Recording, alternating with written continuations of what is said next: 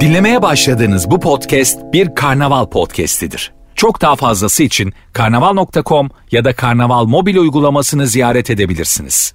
Cem Arslan'la gazoz ağacı başlıyor. Türkiye'nin süperinde, süper FM'de, süper program Gazoz Ağacı'nda herkese iyi akşamlar, hoş geldiniz diyelim. Martılarla başladık, Edis'le başladık. Martılarla başlayıp nelerle bitiririz? Artık Allah bilir. İsrail e, okullara da saldırdı ama dediğim gibi yani İsrail kafasına göre takılıyor. İsrail okul bombalıyor. İsrail hastane bombalıyor. İsrail çocukları, sivilleri hedef alıyor. Kafasına göre takılıyor ama hala da Netanyahu hesap vereceksin. Şöyle olacak, böyle olacak filan. Yani İslam alemi nerede? İslam alemi e, yoklarda. Yani biz 42 gündür devam eden Gazze bombalamasının ardından her şeyi iptal ettik. Her şeyi iptal ettik. İşte e, konserler, şunlar, bunlar, aktiviteler, e, festivaller her şey iptal edildi. E, yani bu arada bir şey yapana da böyle kötü gözle bakılıyor falan. Ama baktığın zaman Suudi Arabistan'da dünyanın en büyük, dünyanın en büyük festivallerinden bir tanesi var. Hatta Fenerbahçe Galatasaray arasındaki kupa maçı da bu festival kapsamındaki etkinliklerden bir tanesi. Şimdi e, İslam alemine bakıyorsun, Arap ülkelerine bakıyorsun. İşte ülkeler birbiriyle kavgalı, aşiretler birbiriyle kavgalı, mezhepler birbiriyle kavgalı. Herkes birbiriyle kavgalı. E, şimdi e, baktığın zaman İsrail'i eleştirdiğin anda bile yanıyorsun. Avrupa Birliği İsrail'in yanında, Amerika İsrail'in yanında, İngiltere İsrail'in yanında. Dünyanın birçok otorite ülkesi İsrail'in yanında. Biz sadece onlara kızmakla değil mi yani evet. Alçak Avrupa İsrail'in yanında, alçak Amerika İsrail'in yanında. Tamam biz sadece onlara kızıyoruz. E tamam da yani bir de kendi içimize dönelim bir de kendi içimize bakalım. Kendi içimize baktığımızda onların kendi adamlarına ben size geçen hafta anlatmıştım hani koşun Mustafa abiyi dövüyorlar deyince bir kahve adam boşalıyordu ve Mustafa abiyi dövenlere saldırıyordu. Hiç kimse sormuyordu Mustafa abi bu dayağı hak etti mi hak etmedi mi durum ne falan. O kültürde öyle bir şey yoktu. Bizim mahallede Mustafa abiye kimse yamuk yapamaz. Haklı da olsa yapamaz, haksız da olsa yapamaz. İşte şimdi bugüne gelindiğinde olanlar da bunun ülke versiyonu. Ama biz lafı güzel. Bütün dünyanın gözü önünde orada katliamlar yapılıyor diyor. E, biz de sadece konuşuyoruz. Yani somut bir şey yapabiliyor muyuz ya da yaptık mı? Yo ticaret de devam ediyor gidiş gelişler de devam ediyor söylemler de devam ediyor her şey devam ediyor. Ama kağıt üzerinde zehir zemberek konuşuyoruz ama sadece konuşuyoruz çok bir şey yapılmıyor ama neticede şimdi bu konuşmalar 42 gündür İsrail Gazze'ye bomba yağdırıyor. Filistin'e bomba yağdırıyor. O bölgedeki sivillere, okullara, hastanelere bomba yağdırıyor. Orada yaşayan sivil olduğunu düşün. Ya bütün bunlar olurken İslam alemi ne oluyor ya? Evim bombalandı, ailem öldü, kolum koptu, bacağım koptu dediğinde valla konuşuyorlar işte yani. Evet konuşuyorlar yani şimdi e, evet şimdi e, Türk medyası orada Türk medyası oradan yayınlar yapıyor. Biz oradan yayınlar yapıyoruz filan ama yani e, İslam alemi bu konuda sınıfta kalmış vaziyette. Yani biz böyle çok da büyük yaptırımlar yapabiliyor muyuz? Çok da büyük yaptırımların içinde miyiz? E, bence değiliz. E, oradaki durum bu alemde. Evet haftanın son gazoz ağacı başlıyor. Saatler 20'yi gösterene kadar burada e, güzel bir program yapacağız inşallah e, sevgili Rami Koç'a bir selam yollayalım. E, saat farkı olduğu için e, sabah saatlerinde bizi dinliyormuş o da. Ama kendisine bir e, selam yollayalım. Kendisine bir merhaba diyelim. Hayırlı seyahatler dileyelim sevgili dosta. Şimdi...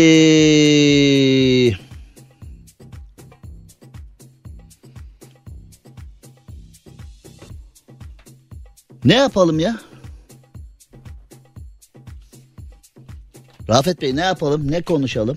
Saatler 20'yi gösterene kadar burada yani yayını bize verdiler alın takılın dediler. Ne yapalım biz? Tatile mi gidelim? Aa, bir şey yapmayalım tatil. Ama hadi kapat radyoyu gidelim. Ver müziği ver müziği. Kiracının yüzsüzlüğü diye bir mevzu var önümde. Kirayı ödemiyor. Evden çıkmıyor.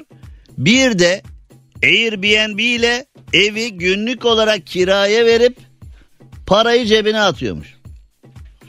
Şimdi şöyle söylemek lazım.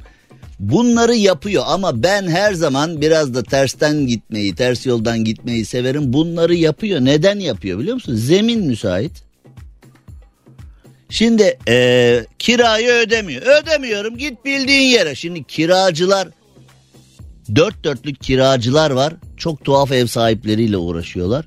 Dört dörtlük ev sahipleri var. Çok tuhaf kiracılarla uğraşıyorlar. Zaten zurnanın zırt dediği yer burası değil mi şimdi? Kirayı ödemiyor mesela. Aylarca gidiyorsun ödesene kardeşim kirayı diyorsun.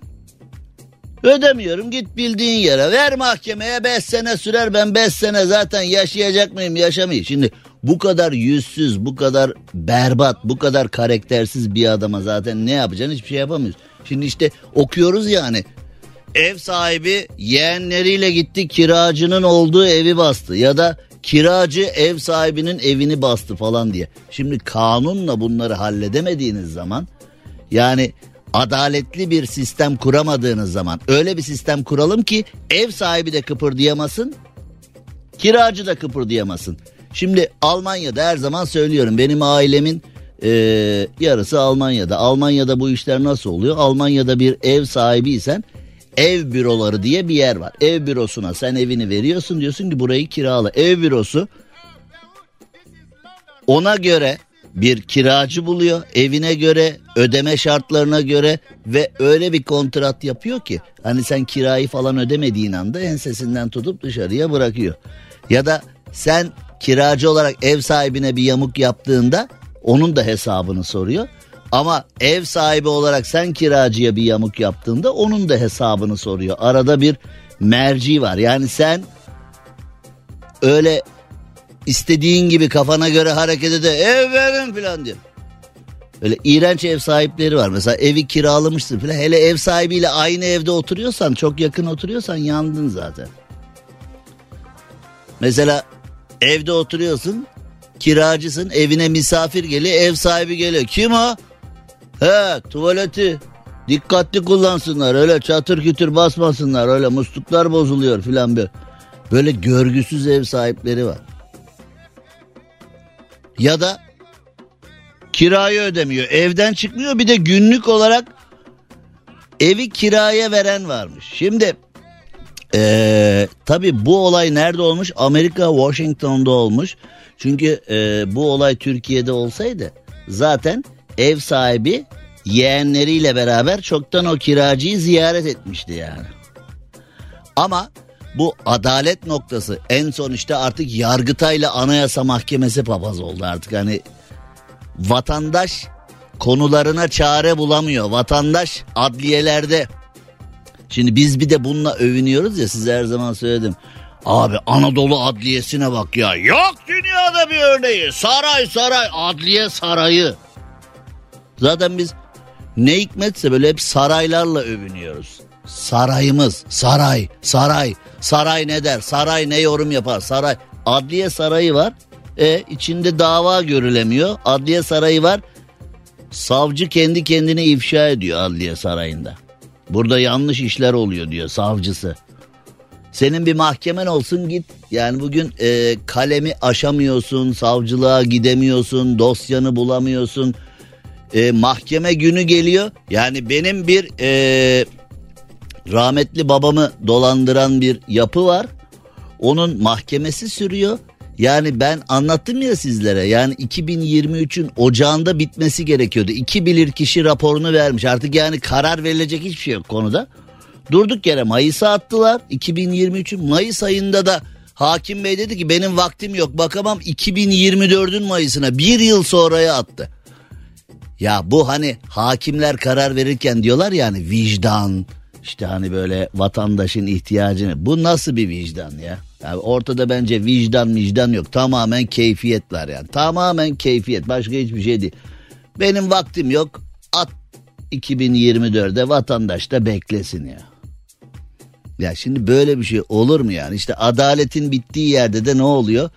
Yabancı sermaye gelmiyor. Yabancı sermaye diyor ki adaletin e, bittiği yerde adaletin tıkır tıkır işlemediği bir yerde biz nasıl milyar dolarları getirip burada fabrika açalım istihdam filan nasıl olacak yarın öbür gün bir sıkıntı olursa e, bizim hakkımızı kim koruyacak filan yani şimdi kanunlarla korunan bir yerde olmalıyız diyor. Şimdi e, bu Amerika Washington'da olan olayın aynısını ben Türkiye'de biliyorum. Kirasını ödemeyen kiracı biliyorum. Ev sahibi ödesene kardeşim kirayı dediğinde git ver mahkemeye Allah Allah filan diyor. Senelerce sen uğraşırsın benim için o boş falan diyor. Şimdi bak. Yani ee, kanunlar bence Türkiye'de derhal bu ev ofisleri ev bürosu sistemlerine de geçilmesi lazım. Yani ev büroları hani ya da emlakçıları bu konuda daha kuvvetli ama emlakçı dediğim hani o gerçek emlakçıları hakikaten gerçekten hani o böyle aynı daireyi üç kişiye pazarlayan o Fetbas takımından bahsetmiyorum. Gerçekten doğru dürüst emlakçıları biraz daha yetkisini kuvvetlendirip biraz daha e, içeriğini kuvvetlendirip ev sahibiyle kiracı arasına bir ara katman oluşturmak gerekiyor. Bilgisayar programlarında arayüz var ya hani arayüz. Mesela emlakçıları daha kuvvetli hale getireceksin. Aldığı parayı daha kuvvetli hale getireceksin. Aidat öder gibi e, belirli bir rakam ödenecek ama bütün işi o halledecek.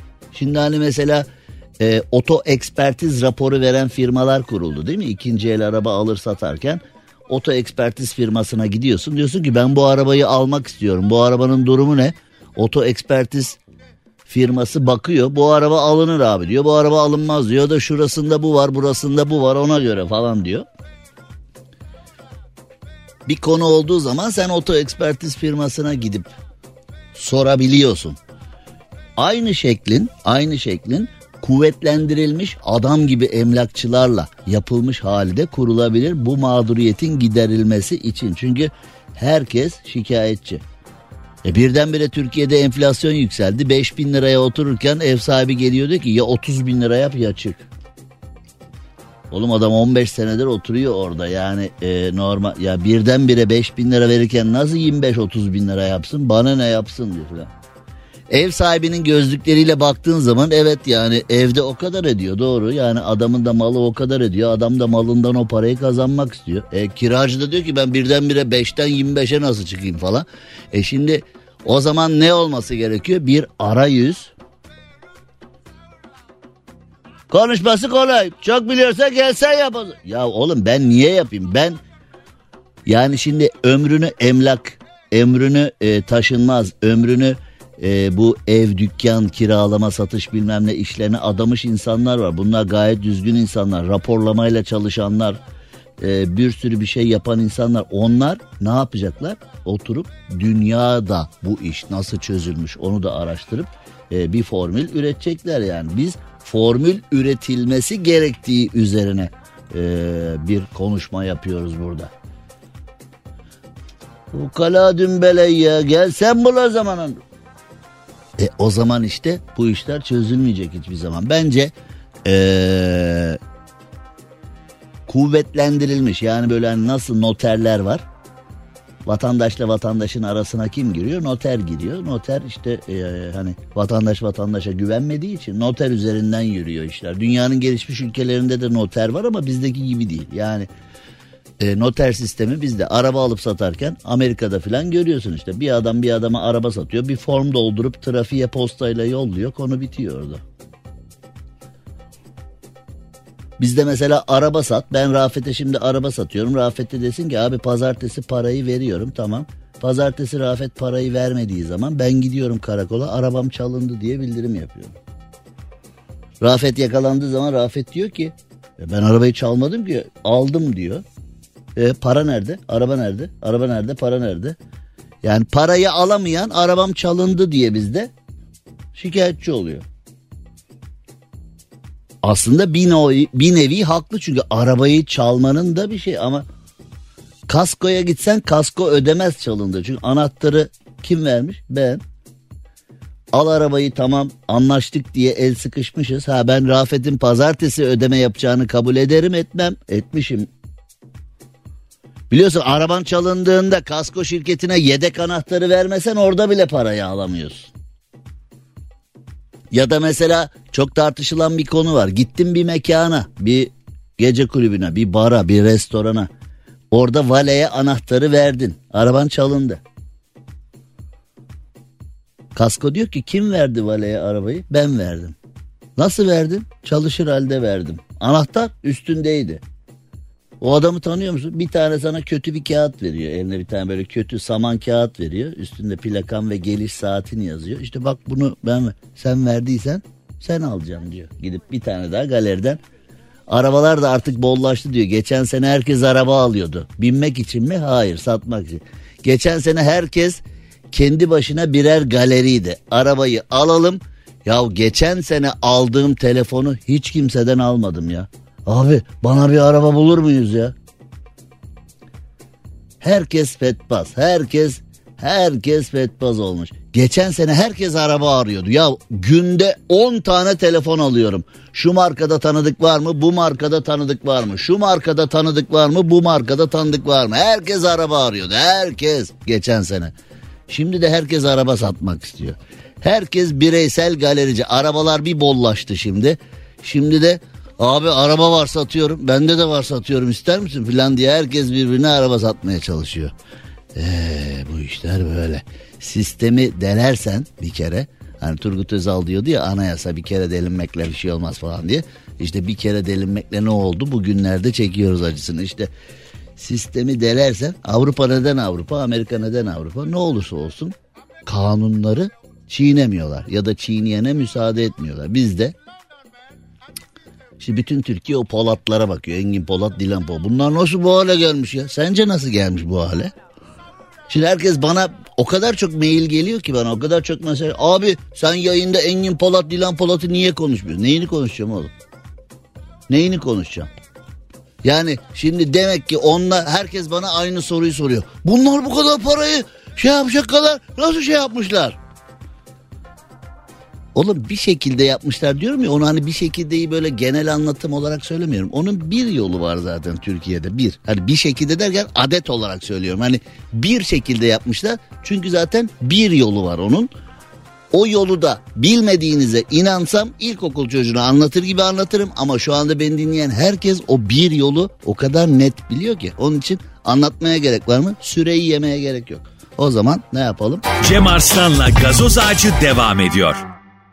Türkiye'nin süperinde, süper FM'de, süper program gazoz ağacında yayınımıza devam edelim. Tabii şimdi biz akşam 18'de yayına başlayınca akşam 18'de haber merkezlerinin en çok haber aldığı yani yayında kullanır mısın kullanmaz mısın bilinmez ama şakır şakır şakır şakır şakır şakır oradan buradan ajanslardan e, bilgilerin yağdığı anlar. Şimdi bizim kendimize göre programda şunu konuşalım bunu konuşalım dediğimiz konular var.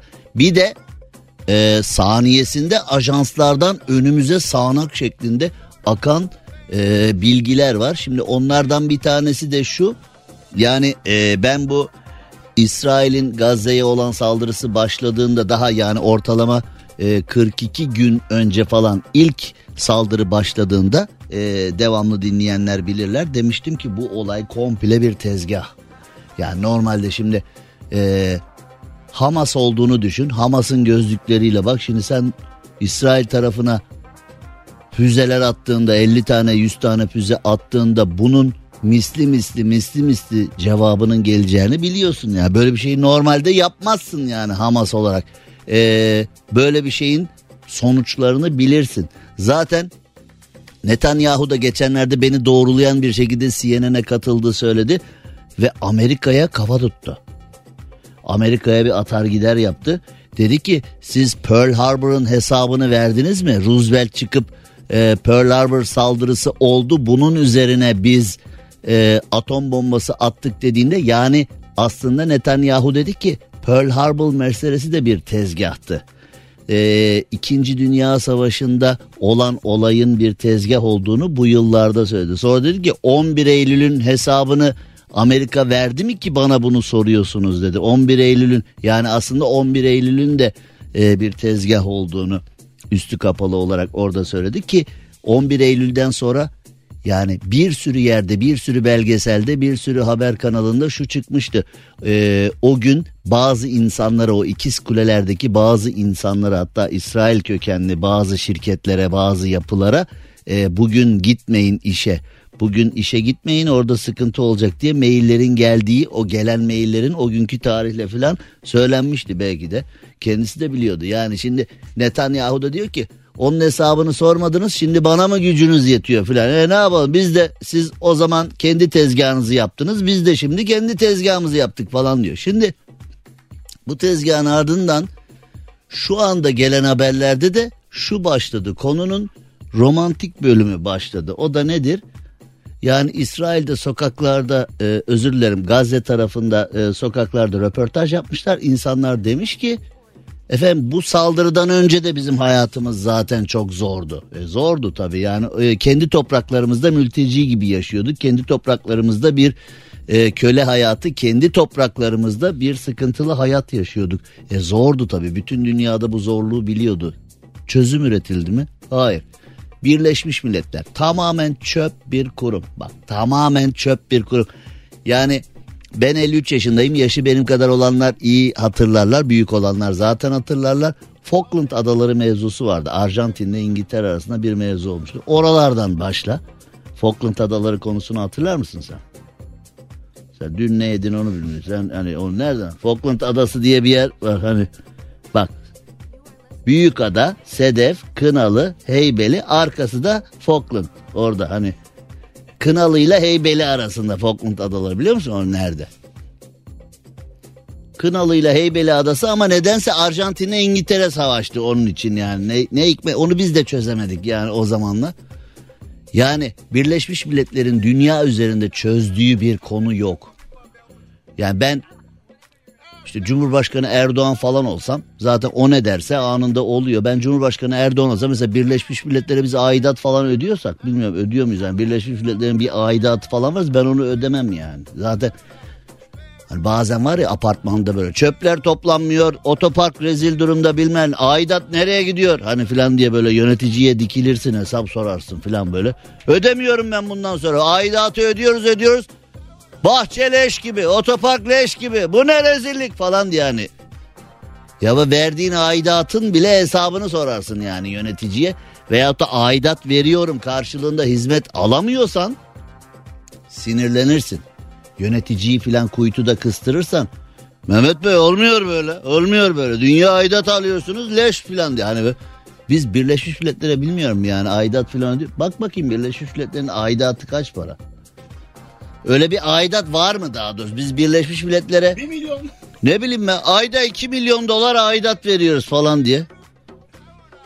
Oğlum bu Birleşmiş Milletler ne çöpü toplar, ne otoparkı temizler, ne cam siler, ne merdiven siler. Hiçbir şey yapmıyor bu Birleşmiş Milletler. Hani aidat alıyor mu bilmiyorum ama ben hakikaten Cumhurbaşkanı Erdoğan olsam veririm talimatı. Onun talimatıyla konu kapanıyor zaten. Hani onun böyle bir KHK A4'e yazı ha var mıymış? Kaç paraymış baba?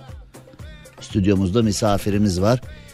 Kendisini kendisinin tanıtmasını istiyorum. Bir tanıtır mısın kendini? Selamlar merhabalar Sefa Şenel ben. Ee, Sefa mikrofona hani şunu o mikrofon dönüyor ya hani böyle Pardon, kendine göre ayarlıyorsun ya sen Sanki... ayıp olur kırılır mırılır seni de anlıyorum. Ciddi 6000 euro o mikrofon hani ellemek Normal istemiyor tabii. İşimizde ne derler abi? You break it you pay it baby var ya hani böyle. Evet. evet bir daha tanıtır mısın mikrofonu? Merhaba Sefa Şenel ben. Ben de Karnaval'da Mümkansız adını bir program evet, yapıyorum. Şimdi misafir olarak Süper FM'e geldim. Canım Sefa burada bugün bizle beraber. Kaç paraymış Sefa'cığım aidat? Ee, Yazıyor mu yani aidat? Yazmıyor ancak e, 8 ülkeyi borca sokmuşlar. 8 ülke 8 ülke var akıllı, ödemiyormuş. Akıl, o 8 ülke kimse vallahi billahi yani gidip Onlara bir e, tebrik maili yazmak lazım. O 8 ülke akıllı işte. Bak onlarla dost olmak, onlarla ticaret yapmak lazım turizm anlamında da ziyarete gidecekse kimse o 8 ülke onlara gitmekle akıllılar. Bak ödemiyorlar. Diyor ki Birleşmiş Milletler ödeseniz oğlum parayı aidatları. Puh çıkacak ödemiyorsun. Ne veriyorsun da ne istiyorsun? Haklılar. Haklılar. Birleşmiş Milletler'in neyine aydın? Bak bak Türkiye'nin 1 lira borcu yoktur ha. Bak Türkiye'yi incele. 1 lira borcu yok. Hatta biz 3 gün önceden yatırıyoruzdur parayı falan. O Hakikaten. 8 ülke gerçekten takdir. Onların kim olduğu belli mi? Bakayım abi hemen. Evet, Sefacığım onlar belliyse onları da alalım bir ara verelim hemen. tamam hemen söylüyorum. İran, Sudan, Venezuela, Antigua, Barbuda, Kongo, Gine, Papua Yeni Gine ve Vanuatu. Evet bunlar yani belki haritada gösteremeyeceğimiz yerler birçoğu ama gerçekten akıllı insanlar tarafından yönetiliyor ve demişler ki hadi kardeşim uza uza uza uza uza hadi. Uza. Birleşmiş Milletler ya. Bir, bir yani Şimdi söyleyecek çok şey var da hani böyle bir e, yanlış şey söyleyeceğim diye de sinirleniyorum. Yani bir kurum hiçbir şey mi çözemez arkadaş ya? Sen nasıl yani Birleşmiş Milletler göğe orada üstünde un yazan jipler. Habire babalar jiple geziyorlar orada. Oh arazi. Hafta sonu offroad'daydık. Nerede savaştaydık hafta sonu. Nasıl olsa Birleşmiş Milletler kapıda un yazan jipleri vermiş bunlara. Bunlara dokunan yok, hop diyen yok. Ee, para geliyor merkezden. Arabalar geliyor merkezden. Sen jip almak iste alabiliyor musun bakalım? Bunlar jipler altında harcırah cepte takılıyor babalar. Zaten kimse bunlara dokunmuyor aman Birleşmiş. Yani ara sıra onlar da tabii bazı kazalara kurban gidiyorlar ama tabii onlar da yine merkezdekilerin umru değil. Onlar da garibanlar işte işe alınmış o da abi yaşasın Birleşmiş Milletler'den kabul ol. Nerede çalışıyorsun? Birleşmiş Milletler'de çalışıyorum falan. Onlar da kendince hani iyi bir eğitim aldım, lisan öğrendim, müracaat ettim, kabul edildim, Birleşmiş Milletler'de çalışıyorum falan diye hani kendince övünen garibanlar onlar da. Yukarıya yine bir şey olmuyor. Oğlum gidin orada boy gösterin çözmemiz gerekmiyor. Gidin orada bir boy gösterin. Yukarıdan talimat öyle gidiyor. Arkadaş çocuk ölüyor diyorsun. Siviller ölüyor diyorsun. Çocuklar işte gözü kör oldu, kulağı koptu, bacağı koptu diyorsun. İnsanlar aç diyorsun. İnsanların ilacı yok, yemeği yok, ekmeği yok diyorsun. Birleşmiş Milletler de ya milletin ekmeği yok diyorsun. Kapısında un yazan arabayla dolaşıyor. Oğlum un var ekmek yok. Un var ekmek yok. Un var. Bizim Erzincan'da bak şey derler ünümüz var unumuz yok derler. Hani mal zengini insanlar vardır ama ters çevir salla 50 lira çıkmaz cebinden. Hani 50 dönüm toprağı vardır ama cebinde 50 lira nakit yoktur. Aynen öyle tık yok dedikleri ünümüz var unumuz yok lafı işte herhalde buraya hitaben de geldi şimdi tam yeri. İnsanlar diyor ki ekmeğimiz yok Gazze'de un yazan arabalar dolaşıyor un var. Hani var ya un var mı? Var var. İşte şeker var mı? Var var. Helva yapsana helva yap. Un. Hiç. Nerede bu un? Hiçbir yerde yok. Yok. Sadece jiplerle geziyor babalar sınırda. Hiç. Laf ola beri gele. Yine sinirlendik. Şimdi bir ara verelim. Hemen geri gelelim. Cem Arslan'la gazoz ağacı devam ediyor. Türkiye'nin süperinde, süper FM'de, süper program Gazoz Ağacı'nda yayınımıza devam ediyoruz. Bugün bir radyocu dostum, radyocu meslektaşım Sefa da stüdyomuzda. O da çünkü az önce kendi podcast'ini yaptı. Bu hafta kim var podcast'te konuk? Bu hafta e, Geniş Aile dizisinin oyuncusu Müfit karakteri Ahmet Sarsılmaz vardı. Onu bir program yaptık. Ne konuştunuz? Ne dinleyecekler podcast'i açanlar? Bir oyuncunun oyuncu olma yolculuğunu ve sıfırdan bugüne kadar nasıl bir kariyer kurduğunu inşa ettiğini dinleyecekler. Bizim işlerin güzelliği de o. Mesela 100 lira 100 tane radyocuyu şimdi 100 tane doktoru yan yana koy. Sen nasıl doktor oldun diyor. İşte tıp fakültesini bitirdim doktor oldum diyecek. Şimdi bizim meslekte 100 tane radyocuyu yan yana koy. Nasıl radyocu oldun dedi. Yüzünün de birbirinden farklı hikayesi var radyocu olmak adına, oyuncu olmak adına. Zaten herhalde bu mesleğin en güzel tarafı ve en gurur veren tarafı da bu. Çünkü hepimiz farklı yollardan, hepimiz farklı metotlardan gelip aynı işi yapıyoruz ama bu şey gibi yani mesela hepimiz Bostancı'ya gideceğiz.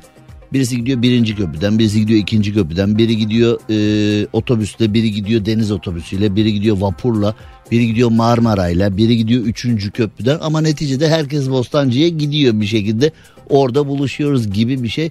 Bizim mesleği bizim meslek yapan nokta da sanıyorum bu. E, şu andan itibaren yayında mı?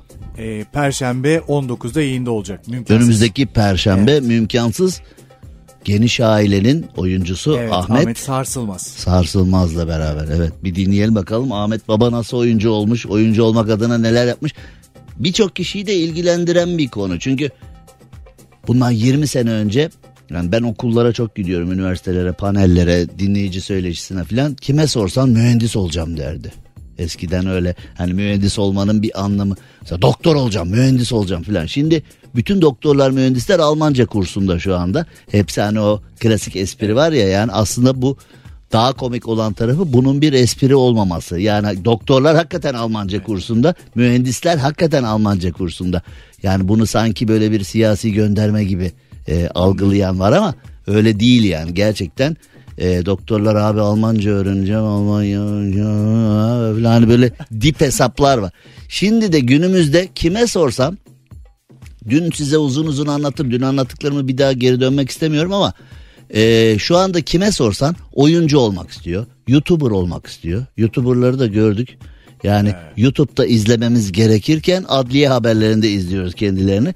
Şimdi e, ben 30. yılıma geliyorum. 40 gün kaldı. 40 gün sonra 30. yılıma giriyorum yayıncılıkta. Şimdi bazıları diyor ki bana salaksın oğlum sen. Salaksın.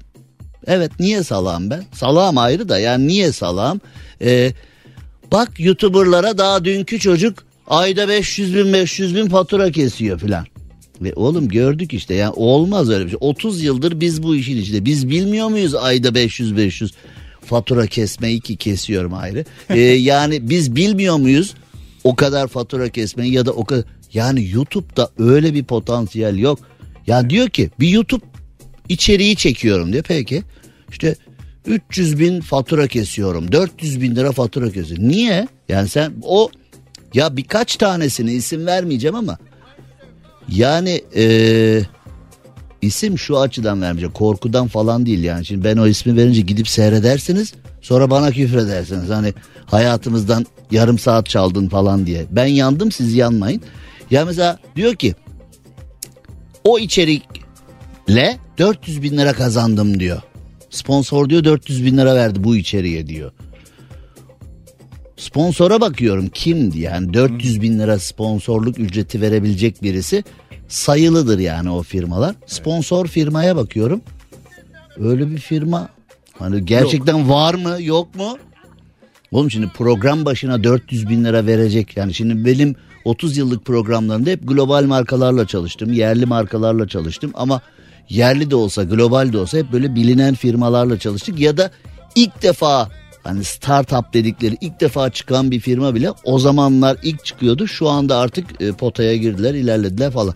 E şimdi baktığında diyor ki efendim işte sen salaksın 30 yıllık radyocusun sen yerinde sayarken bak youtuberlar aldı yürüdü diyor. Kime göre yerinde saydı? Oğlum aldı yürüdü de ters kelepçe gidiyor adam işte hani orada bir tanesi diyor ki Instagram'da onu yaptı diyor. E sayfasını kapatıp piyasayı 100 milyon dolandırıp Portekiz'e kaçmış bir tanesi. Evet. E bir tanesi bir, ya biz o yolları seçseydik o şu anda ben 30 hani Portekiz falan da değil. ben Mars'tayım çocuklar aramayın beni hani dünyayı bir milyar dolar dolandırdım Mars'a yerleştim şu anda falan diye.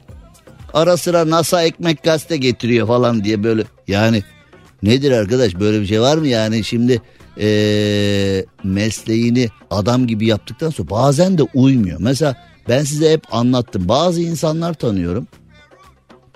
20 bin lira maaşı var mesela. Biliyorum yani maaşını biliyorum. Fakat yaşadığı hayata bakıyorum 250 bin liralık hayat yaşıyor. 20 bin lira yani resmi olarak maaşı 20 bin lira. Fakat yani oturduğu evin aidatı 20 bin lira. Bak evin kirası demiyorum aidatı 20. Nasıl oluyor arkadaş? 20 bin lira maaşla hani etrafınızda bir bakın. Yani kazandığı parayla yakasında yazan sıfatıyla yaşadığı hayat.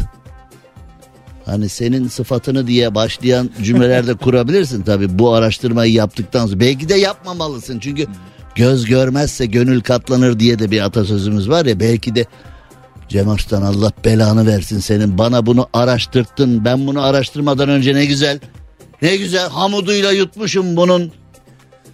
Var öyle insanlar yani eee, kazandığı parayla yaşadığı hayat birbiriyle örtüşmüyor. Sonra beraberinde o meşhur soru geliyor. nasıl oluyor? Bak Mış soru hayat. kısa. Soru kısa ama cevap sofistike. Yani cevabın içinden kimse çıkamaz. Abi fazla kurcalama ya bir şekilde oluyor işte. Nasıl oluyor oğlum böyle? 20 bin lira maaş alıp 250 bin liralık hayatı nasıl yaşıyorsun? Mümkün değil.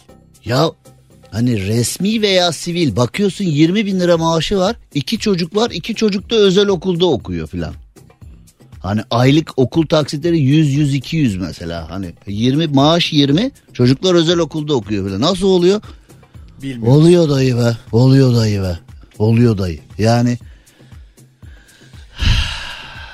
o zaman biz bildiğimiz yollardan para kazanabiliyoruz. Bildiğimiz yola sapalım. Cem Arslan'la gazoz ağacı devam ediyor. Türkiye'nin süperinde, süper FM'de, süper program gazoz ağacında yayınımıza devam edelim ve e, şimdi söylüyorum ya size bir tek açıldığı gün kalabalıktı. Onun dışında hiç kalabalık olmadı dediğimiz yer var ya Yavuz Sultan Selim Köprüsü geçenlerde de orada bir kaza olmuştu. Bugün de orada bir kaza olmuş.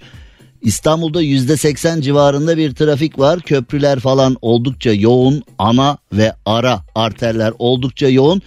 Ee, bazı dinleyicilerimiz ya o kadar sıkışık trafikte gideceğime 3. köprüden e, fırt diye gidivereyim demiş olabilir. Avrupa yakasından Anadolu yakasına doğru e, giderken e, Demirciköy civarlarında bir kaza var ve Edirne Ankara istikametini oldukça yoğun bir şekilde etkiliyor.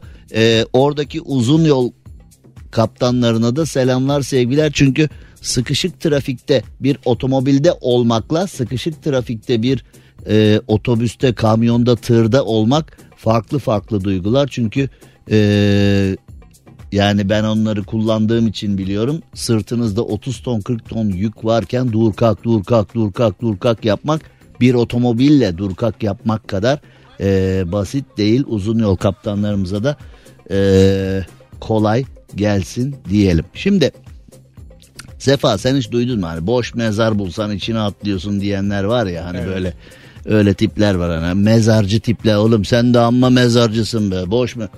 Bu gerçek olmuş büyük çekmecede.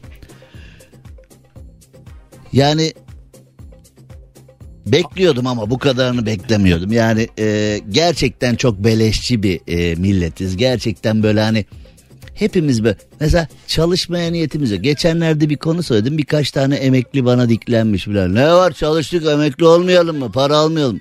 Yavrum ol zaten sen niye dikleniyorsun? Çünkü sen gerçekten hak ettiğine inandığın için e, benim esprim sana ağır geliyor. Çünkü sen diyorsun ki ben gerçekten 30 sene çalıştım 40 sene çalıştı ya da yok 30-40 sene çalışan yok da işte neyse ne kadar çalıştıysan gerçekten çalıştım hak ettim primlerimi ödedim emekli oluyorum şimdi de maaşımı alıyorum. Gerçekten hak ettiğine inandığın için benim esprim sana ağır geliyor zaten. Ama bir de şeyler abi işte bekliyoruz. Ya bakıyorum 50 yaşında adam ne yapıyor? Abi EYT bekliyor. Ne oluyor? Abi EYT bir vursun. E işte hanımın maaşı var. Benim var ufak da bir gelir var. Evde kendimizin. Oradan da e 50'de vedalaşıyor hayatla. E neymiş efendim? EYT'den maaş alacakmış. Ya alırım oradan bir 15-20 ev kendimizin çocukları da evlendirdik filan çalışma. Oğlum iş sadece para kazandığım bir şey değil. Yani iş hayatı bir kültür. Yani iş hayatı evet hepimiz ekmek peşindeyiz. Hepimiz para kazanıp ailemizi geçindirmek, çocuğumuzu okutmak veya ihtiyaçlarımızı karşılamak istiyoruz. Kodunun bu yönü elbette var. İş dünyasından kazandıklarınla günlük hayatını hallediyorsun. Konunun bu yönü elbette var. Ama iş hayatı bir yandan da bir e, mesela bazı insanlar var çalışmadan duramam diyor mesela. Onlar da bir enteresan. Japonya'da mesela hükümet diyor ya oğlum gidin tatil yapın diyor. Yapmayacağız sana ne falan deyip herkes işe gidiyor. Herkes bir üşütmüş Japonya'da. Japon hükümeti işkoliklerle başa çıkamıyor ya artık biliyorsun değil mi onlar? Şimdi e, biz böyle bir hani abi bir para bulsam bir yerden. Mesela şu anda herkes bankaya bir, bir milyon koysam onun faiziyle geçinsem evde kendimin bir de EYT var oradan yeter baba be ben çıtır çıtır takılırım. falan. Tamam diyelim ki para sorunun artık kalmadı yani ayda geçineceğin kadar para şimdi rakam vermeyeyim yani rakam verince çünkü Oo filanlar oluyor. Oralar çünkü benim esas söylemek istediğim yer o değil. Başka bir zaman rakam da veririz. E, çünkü az önce dediğim gibi mesela diyelim ki ayda 60 bin lira para giriyor eve. Ne 60 ya abi falan diyorsun da şimdi çoğu kişi 20 bin lira maaş alıp 250 bin liralık hayat yaşadığı için memlekette. O nasıl oluyor onu kimse bilmiyor. Gerçi biliyoruz da bilmiyoruz neyse. E, yani eve geçinebileceğin kadar para giriyor diyelim ki. Para kazanma derdin yok. Sonuç ne yapıyorsun? Bu sefer de şeyler valla ne olsun işte bizim Köroğlu'yla kavga akşama kadar. Bir de Türkiye'de şöyle bir yapı var ya bir türlü eşim diyemiyor itiraf edemiyor. Hani mesela bu kim? İşte bizim kaşık düşmanı bizim Köroğlu işte yani işte benim başımın belası işte bilmem ne falan. Ya bir türlü bu kim? Eşim yani kadında da yok erkekte de yok. Bu kim? Allah belası diye hani geberesice diye. Oğlum kocam da eşim de filan yok öyle bir şey yani onu böyle itirafçı gibi hissediyor. Mesela hani bu kim dediğinde eşim falan dediğin zaman sanki hani devlet onu sıkıştırmış ya da CIA onu sıkıştırmış. İtirafçıyım ben evet pişmanlık yasasından yararlanıp eşim olduğunu itiraf ettim diye. Manyağız yani vallahi manyağız bak o konuda da sıkıntı var. Neyse yani para sorununu çözsek bile ne yapıyorsun? Akşama kadar Köroğlu'yla kavga yapıyorsun. Ne yapıyorsun? Hiç böyle kahvede pişpirik tavla filan. E, oğlum 50 yaşında veda ettin hayata. İşte EYT'den aldın bilmem ne falan filan. Peki yani en kötü ihtimal ne bileyim mesela ağaç dikme çalışmalarına katıl. İşte ee, ne bileyim okumadığın kitapları oku bir şey yap filan falan. Sonra da para sorunu çözüldükten sonra da boşuz diye ağlamalar başlıyor. Valla bomboşuz ya hiçbir şey yapmıyor. E kendini hayattan emekli kurumdan emekli olup paranı almak başka bir şey ama hayattan emekli ettin kendini. Yani illa emekli olmak demek o işe artık gitmemek demek değil ya bir meşgale yerine hayatından bir şey çıkarttığında yerine bir şey koy tekrar. Yani ne bileyim mesela deniz kenarında oturuyorsan e, işte temizlik çalışmalarına katıl, e, çocukların eğitimi noktasında katıl, sivil toplum kuruluşlarına katıl, kendi hayat görüşüne uygun olanlara filan falan. İşte ne bileyim özellikle ormanın, ağacın, hayvanın, toprağın korunması noktasında bir şeyler falan. Hiç işim olmaz, hiç işim olmaz, hiç işim olmaz. Ay işte işin olmuyor olmuyor böyle olduk zaten. Bari parayı ye değil mi? Ee, o da yani bir mevzu. Şimdi yani beleşçiliği çok seviyoruz. Gerçekten hani Türk'üm, doğruyum, çalışkanım falan diyoruz ama geç geç geç onları bir geç. Yani mesela dinimiz, kutsal kitabımız, peygamberimiz hani bir sürü hadisler, ayetler, sureler çalışmak ibadettir noktası. Şimdi geçenlerde onu konuşmuştuk. Şimdi hep kelime oyunları var. Hep kelime oyunları. Ben din adamı değilim, ulema da değilim. Ben hiçbir şey değilim. Gazoz Ağacı programının e, yapımcısı, sunucusu, tek kişilik kadroyuz. Rafet'le beraber, editörümüz Rafet'le beraber bir şeyler hazırlamaya çalışıyoruz. Ama şöyle bir baktığımda hani dinimizde faiz neden haram olabilir? Yani dinimiz neden? Sence neden? Var mı fikrin? Çünkü emeksiz ve çabasız kazanılmış Yani, bir para var orada. Değil mi? Yani en Evet. klasik hani ulema değiliz, din adamı değiliz, tefsirler bilmem neler yapmıyoruz. Hani böyle e, ilahiyat profesörü değiliz falan bilmem ne ki e, o noktada çoğu ilahiyat profesörü de bence doğru yönlendirme yapmıyor. O da ayrı bir Evet. konu. Ama hani dinimiz neden faize haram der bence. Ya bu yorum çünkü dinimiz çalışmaya, alın terine, üretmeye, hani çalışarak bir şeyler yapmaya önem veren bir din. Şimdi buraya bir virgül atıyorum. Şimdi benim bir param var. İşte normal düzenin bankalarından birine, borsaya, oraya buraya yatırdım. Ben evde uzun uzun yatarken 10 lira yatırdım. O 10 liram 15 lira oldu. Külliyen haram filan. Tamam peki eyvallah. Yani eee, naslar var haram peki eyvallah. Naslar da var diyoruz. Neler oluyor o da ayrı bir konu. Neyse. Naslar mevzusu zaten e, külliyen bir dosya yani hani. Üç gün üç gece konuşuruz burada. Peki tamam. E, ama ben yine 10 liram var. Gittim faiz vermiyor da işte kar payı veriyor. Faiz vermiyor da işte e, filan falan hani böyle daha böyle hani e, fıkıha uygun tanımlarla bir şeyler söylüyorlar ya fıkıha uygun bir tanımla diyelim ki yine ben gittim 10 lirayı teslim ettim efendiye ee, ben yine evde uzun uzun yatarken 10 liram 15 lira oldu ben yine aslında fiziki olarak yaptığım daha doğrusu yapmadığımda bir fark yok yani Düzenin bankasına da 10 lira veriyorum. Ben evde yatarken Netflix izlerken o 15 oluyor. Öteki tarafta da veriyorum 10 lira. Ben yine evde yatarken hiçbir şey yapmıyorken 10 liram 15 oluyor. Aynı şey değil mi? Aynı şey. Ama ılımlı faiz oluyor bu. Abi. Yani fıkıha uydurursan e, hani o jargona uydurursan yani bir tanesini bir tanesi çok e, makro ekonominin e, içinde kalıyor. O o olamaz filan. Diğerini böyle hani fıkıha tasavvufa hani böyle jargona uydurduğunda kardeşim bu dinimiz peygamberimiz kutu, kitabımız dinimiz diyor ki çalışmak ibadettir bak kısa çalışmak ibadet. Şimdi geçenlerde bir imam efendiyi izledim videosunu gerçekten mükemmeldi bildiğiniz dilde dua edin diyor yani illa hani mesela duayı Arapça et, etmeyince olmuyor diye bir şey yok ya yani bildiğiniz şekilde hani kalben söylediğiniz bir şey çünkü bugün Ha bir mezarlığın önünden geçiyoruz. Fatiha'yı okuyoruz. Ya 6666 ayeti bir kenara bıraktık. Fatiha'nın bile ne demek olduğunu biliyor muyuz? Acaba mesela hani e, mezarlığın önünden geçerken bir Fatiha okuyoruz. Burada yatan hazretlerin ruhuna gitsin. Hepsinin mekanı cennet olsun diyoruz. Tamam ölmüşlerimizin ruhuna Fatiha okuyoruz. Acaba Fatiha okuyunca ne diyoruz?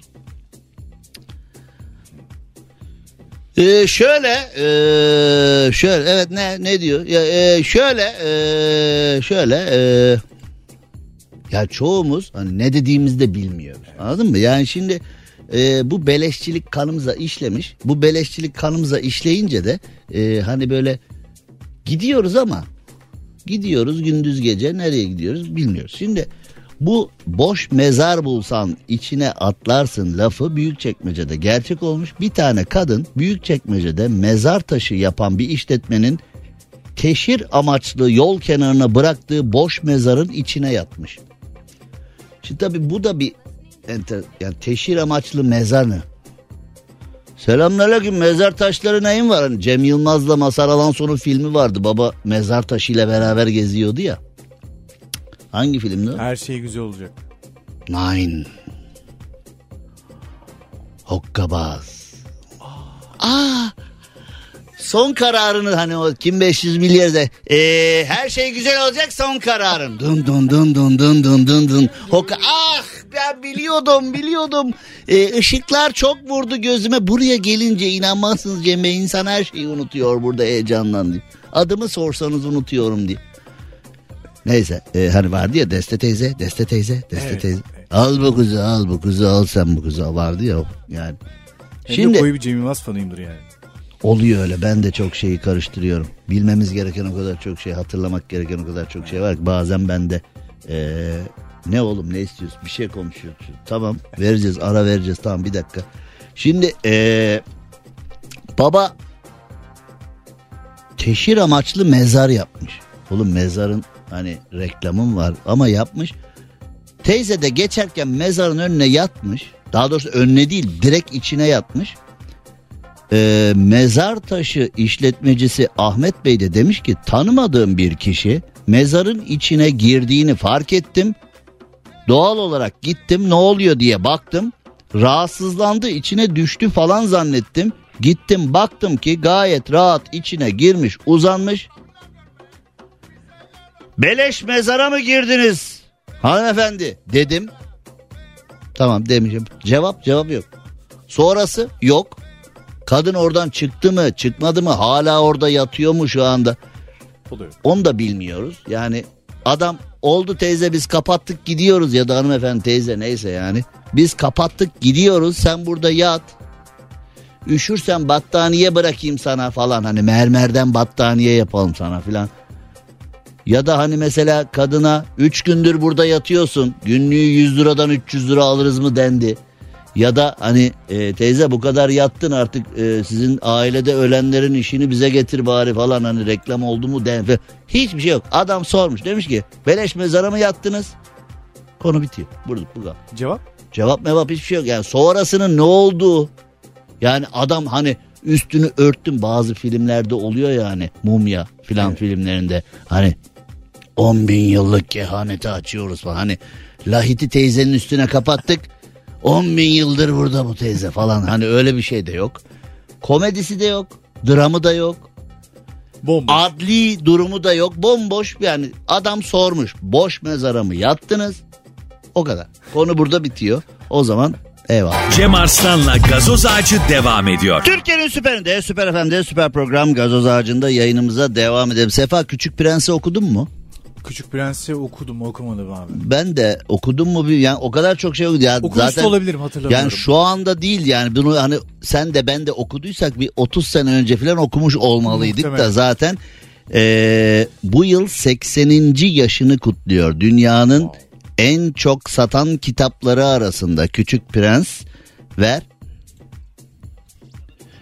marka kullandığımız için bu ibareyi vermemiz gerekiyor. Şimdi Küçük Prens'i okudum mu ben ya? Okumadım. Ben oku, okumuştum herhalde. Ya biraz okuyacağım, okudum, okumadım falan diyen ee, bizim gibi Sefa ile ben gibi biraz böyle ikileme falan düştüyseniz size güzel bir haberim var. Çünkü Dastas sahnesinde şu anda Küçük Prens karşımızda. Hadi okumadınız bari izleyin ya. Yani hani okudum da izledim. Hem okudum hem de izledim diyebilirsin. Ee, sadece izledim diyebilirsin. Dastas sahnesinde karşımızda şimdi gökyüzünde kaybolmanın, yıldızlarla dostluk kurmanın ve Küçük Prens'le tanışmanın tam zamanı diyebilirsiniz. Çünkü Dastas sahnesinde 80. yaşını kutlayan Küçük Prens karşımızda.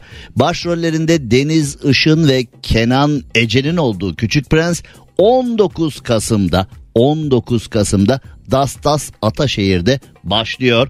Küçük Prens meraklılarının kaçırmamasını tavsiye ediyoruz. Detaylar nerede? Dastas web sitesinde. Dastas sahnenin web sitesine girin. Daha detaylı bilgiyi oradan alın. Evet şimdi eee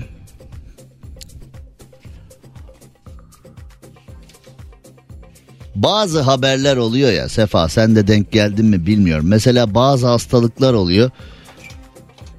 İşte bir pandemi dönemi yaşadık ya. Mesela deniyor ya abi Bill Gates'e özel kan veriyorlarmış falan. Hani böyle kahvelerde filan devamlı tabii. olarak böyle abi Elon Musk'ın kanı özelmiş filan. Yani Reptilyan Mesela falan diyorlar abi. zamanında AIDS vardı ya o birdenbire geldi birdenbire yok oldu. Yani birdenbire geldi bir sürü insanı yok etti. Philadelphia Tom Hanks'in Philadelphia filmi falan böyle herkesi ele geçirdi. Orada öyle şeyler oluyor bilmem falan filan. Sonra AIDS'ten herkes öldü öldü öldü öldü. Birdenbire mesela şu anda AIDS var mı yok mu noktasını hani ee, e, Valla işte var da olabilir yok da o yani Olabilir. tam bilmiyorum gibi hani bir de böyle Ha. Cevabını tam bilmediğimiz sorular karşısında kıvranma anı var ya gerçekten çok pis bir durum yani o. Mesela dünyada artık AIDS'ten ölen yok diyorlar doğru mu? Ee, do- doğru do- doğru. Ne doğru? Öyle değil ya doğru olur mu hiç öyle bir şey? Doğru olabilir. Ben doğru derken öyle kinayeli doğru demiştim zaten filan diye devamlı böyle böyle kıvıra kıvıra yan yata yata filan. Şimdi e, buna inanıyoruz. Yani herkes buna inanıyor. Mesela pandemi döneminde e, zengin insanlara ayrı ilaçlar verildiğini. Mesela bir de e, bugün kahveleri berberleri dolaş şuna inanan insanlar çoğunlukta abi kansere çare bulmuşlar da söylemiyorlar. Niye yani? Niye söylemiyor? Mesela hani kansere çare bulundu ama bunu niye söylemesin ki yani? Hani düşünsene öyle bir o kötü hastalık yani benim de ailemde çok insan aldı götürdü. Onun çaresi bulunmuş olsa yani şimdi pandemi döneminde Uğur Hoca'nın aşılarından ben de 3 tane oldum. Ee, aşı karşıtları şu anda hava atıyorlar yani. He, oldunuz da ne oldu? Ne oldu oldunuz da? Oğlum olmayınca yaşayamıyorsun zaten hani bu benim yani şu anda bu aşıların bir sıkıntısı çıksa Hani aşı karşıtı olanlar işte diyorlar ya mesela biri bir şey aşıdan aşıdan falan. Birinin mesela burnu "Vaa, aşı oldu onun için falan diye. Hani aşıdan. Bak dikkat ediyor musun? Son zamanlarda kalpten gidenler çok da. Neden? Aşıdan işte hep falan. Hani böyle her şey ona. Bak dolar 30 oldu. Niye aşıdan işte falan. Hani böyle hep aşıya bağlanıyor ya her şey. Şimdi e, eskiden de aynı oranda insan hayatını kaybediyordu pandemiden önce de diyorsun.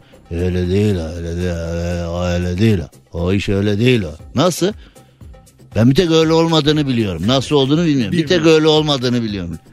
Buna inanıyoruz. Hakikaten e, zenginlerin daha değişik ilaçlar aldığına, zenginlerin çaresi yok denen hastalıklar karşısında e, daha farklı tedavilerle iyileştiğine filan inanıyoruz. İşte mesela Trump da Covid olmuş. Ona daha özel bir ilaç verilmiş. O tık diye iyileşmiş falan. Buna da inanıyoruz. Ki bu doğru ama yani bu da yani diye. Şimdi e, teknoloji milyarderi kanını verdiği babasının 25 yaş gençleştiğini iddia etmiş. Güzel yani. Babanıza kan vermeye ya da babanızdan kan almaya gerek yok. Babanızın dedenizin söylediklerini yapsanız yetiyor diye geçenlerde size uzun uzun anlatmıştım. Siz de muhtemelen öf bu yine konuşuyor diye radyoyu kapatmış olabilirsiniz. Çünkü şöyle bir şey var. Biz mesela dedeyi falan dedeyle bir arada yaşayan aileler var. Anneanneyle babaanneyle bir arada yaşayan aileler var ama onu hani böyle tuzluk gibi bir yere koyuyorsun ya da mesela ev müsaitse ona bir oda veriyorsun. Babaanne orada işte sabah öğlen yani otel gibi hani sabah öğlen akşam kahvaltısını ver, öğlen çorbasını ver, akşam yoğurdunu galetasını ver. Hani 40 yılda bir de odanın önünden geçer. Babaanne ne haber?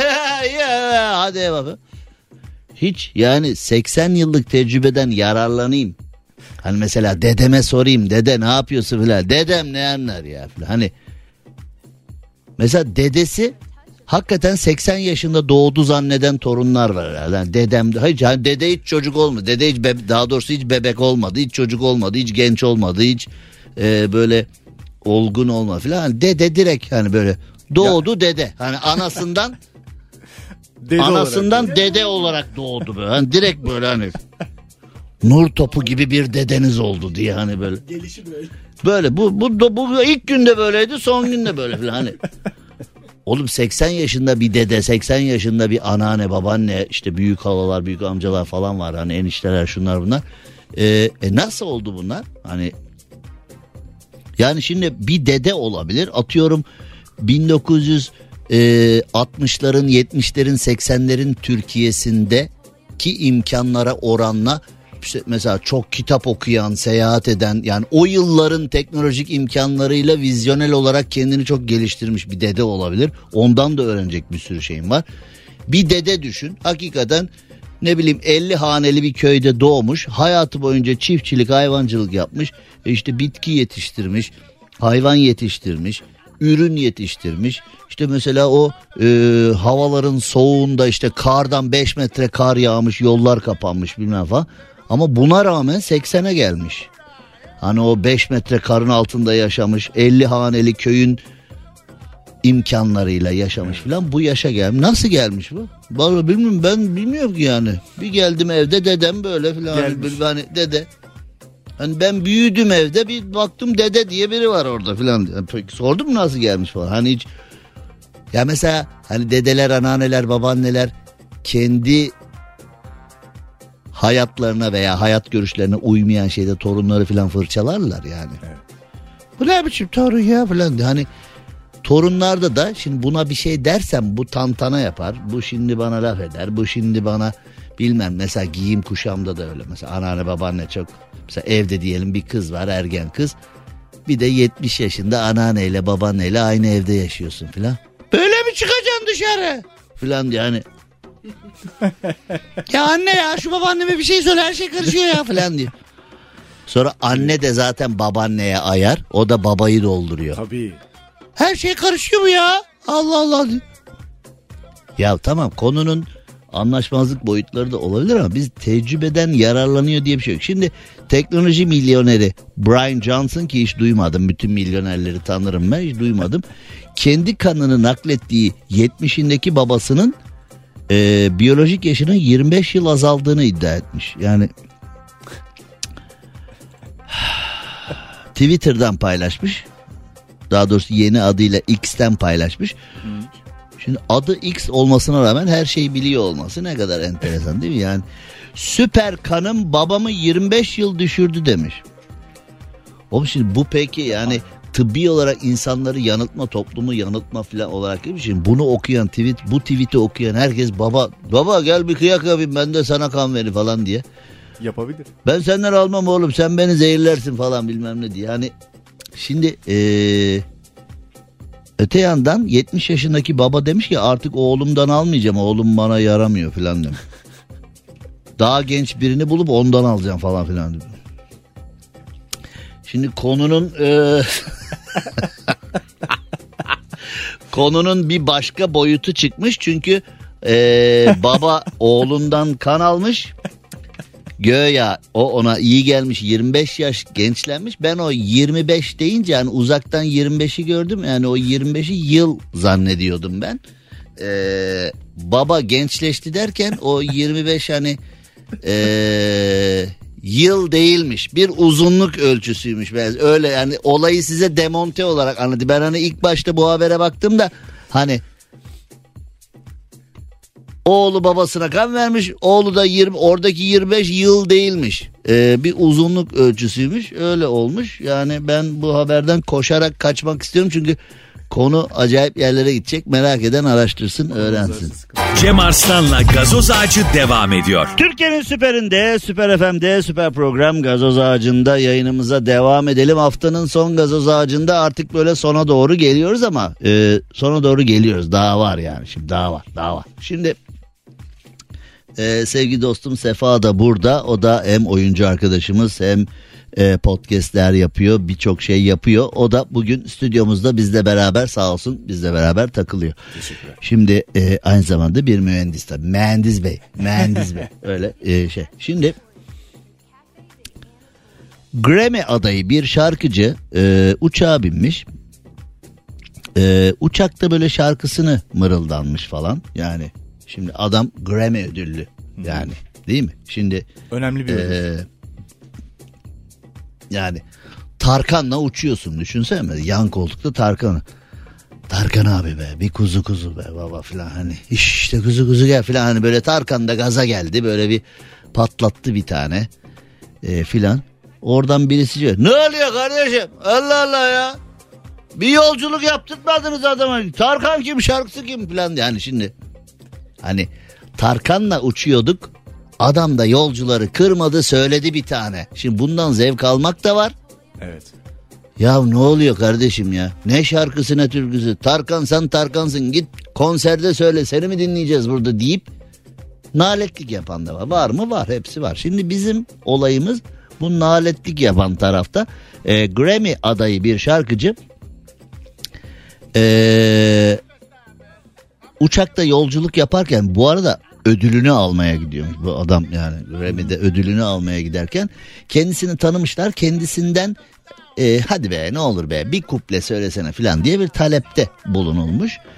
Eee Şimdi Grammy adayı şarkıcı da böyle hafiften bir mırıldanır gibi olmuş. Ee, fakat garip garip işte. Şimdi e, şarkısını söylerken e, birisi de demiş ki söyleme. Ötekisi demiş ki söylerim. Ötekisi demiş ki söyleme. Araya kabin görevlisi girmiş. Kabin görevlisi de demiş ki seni uçaktan atıyorum. Adam da demiş ki kariyerim bitti. Yani şimdi e, iki Grammy ödülüne adaymış adam bu arada. Wow. Ee, uçakta şarkı söylemesi istenmiş. Kabin görevlisi de demiş ki atıyorum seni uçaktan. Yani işte bu hayatı nasıl algıladığınla da alakalı. Yani bunu bir şans olarak da görebilirsin. Uçuşta kim denk geldi biliyor musun falan diye. Ya bir uçağa bindik. Bir Allah'ın belası şarkıcı denk geldi. Kafamızı ütülediler. Böyle de olabilir. Bu işte hayata nasıl baktığınla alakalı ve bu söylenecek hiçbir şey yok. Bu insanların hayatı algılama şekliyle ilintili bir konu diyelim. Ve e, finali yapacağız ayrılmayın. Cem Arslan'la gazoz ağacı devam ediyor. Evet Zerrin Özer'in e, kafiyelerle yüklü yepyeni şarkısı basit numaralar ilginç bir şarkı. Ee, enteresan bir şarkı. Trafiğini seviyorum ama sözler çok kafiyeli gibi. Haddinden fazla kafiyeli böyle hani bazen böyle bir poğaça yersin içi sırf peynir filan ya böyle hani çok malzeme hani böyle çok peynir peynir ve poğaça filan hani bol malzemos var ya hani böyle bu şarkı da böyle bol kafiyeli geliyor bana. Seveni de var sevmeyeni de var. Şimdi Başkan Joe Biden'ın torunu Naomi Biden'a ait araca girmeye çalışıp soymaya çalışmışlar. Ve yani dünyadaki bütün araçlar zaten hırsızların açık büfesi. Yani hani şimdi hırsızlara yani evler, arabalar, dükkanlar çalınabilesi olan her şey açık büfe önümüzde. Antalya otelleri gibi açık büfe hırsızların önünde duruyor zaten. Yani Joe Biden'ın torunu diye Amerika'da başkanın evine de girildi. CIA'nin sitesi de hacklendi. Ee, bu arada Türkçedeki haklamak var ya orada hack'ten geliyor. O da yani hani iki kişilerde hakladım ikisini de filan derler yani o hack hani hack etmek filan o da oradan gelmiş filan. Bu lüzumsuz bilgiyi de arada ee, neyse. Yalnız şöyle bir şey olmuş. Başkan Joe Biden'ın torunu Naomi Biden'a ait araca hırsız girmeye çalışınca CIA ajanları da hırsıza ateş açmış. Açılan ateşle araç da delik deşik olmuş. Hırsız delik deşik olmuş mu? Ee, onu keş inşallah yani keşke olmuş olsa. Çünkü hırsızlar hakikaten nefret ettiğim insanların alın terini çalan, insanların namuslu kazançlarını çalan kişiler bu hırsızlardan nefret ediyorum. İnşallah e, arabayla beraber hırsızları da e, haklamışlardır diyelim madem öyle. Şimdi sevgili dostlar haftanın son programında sevgili dost Sefa ile beraber e, bugün kulaklardaydık. Pazartesi günü saatler 18'i gösterdiğinde ölmezde sağ kalırsak gazoz ağacı tekrar kulaklarınızda olacak. Editörümüz Rafet Gür'le beraber sizlere iyi akşamlar, iyi geceler, mışıl uykular, güzel hafta sonları dileyelim. Hafta sonu bol bol gezin, eğlenin, sevişin. Ee, evcil hayvanınıza vakit harcayın. Ee, mümkünse mümkünse telefonunuzu, tablet bilgisayarınızı e, ne varsa teknoloji adına ne varsa kapatın. Yani hafta sonu teknoloji detoksu yapabiliyorsanız yapın ki yapamayacaksınız biliyorum. Ben de yapamıyorum. Yani yapamayacağınızı biliyorum ama hani programcılığın şanındandır. Böyle insanların yapamayacağı şeyleri hep tavsiye edersin. Orman yürüyüşü yapın. Spor yapın. Bisiklete binin. Yoga yapın. E, yoga yapın falan. Hani bunları hep insanların yapmayacağını bile bile programcı refleksiyle bunları ben size tavsiye ediyorum. Yani yapmayacağınızı tabii biliyorum ama e, bu akşam mesela telefonu kapatın pazartesi sabahına kadar açmayın mesela. Nasıl yapalım onu ya? Manyak mıdır ne? Dinleme bir daha bunu ya falan deyip. Hani e, bana sayar söversin yani. Halbuki ben sana iyi bir şey tavsiye etmeme rağmen. Ama dediğim gibi biliyorum ki yapmayacaksınız. Ben yine büyüklük bende kalsın tavsiye edeyim.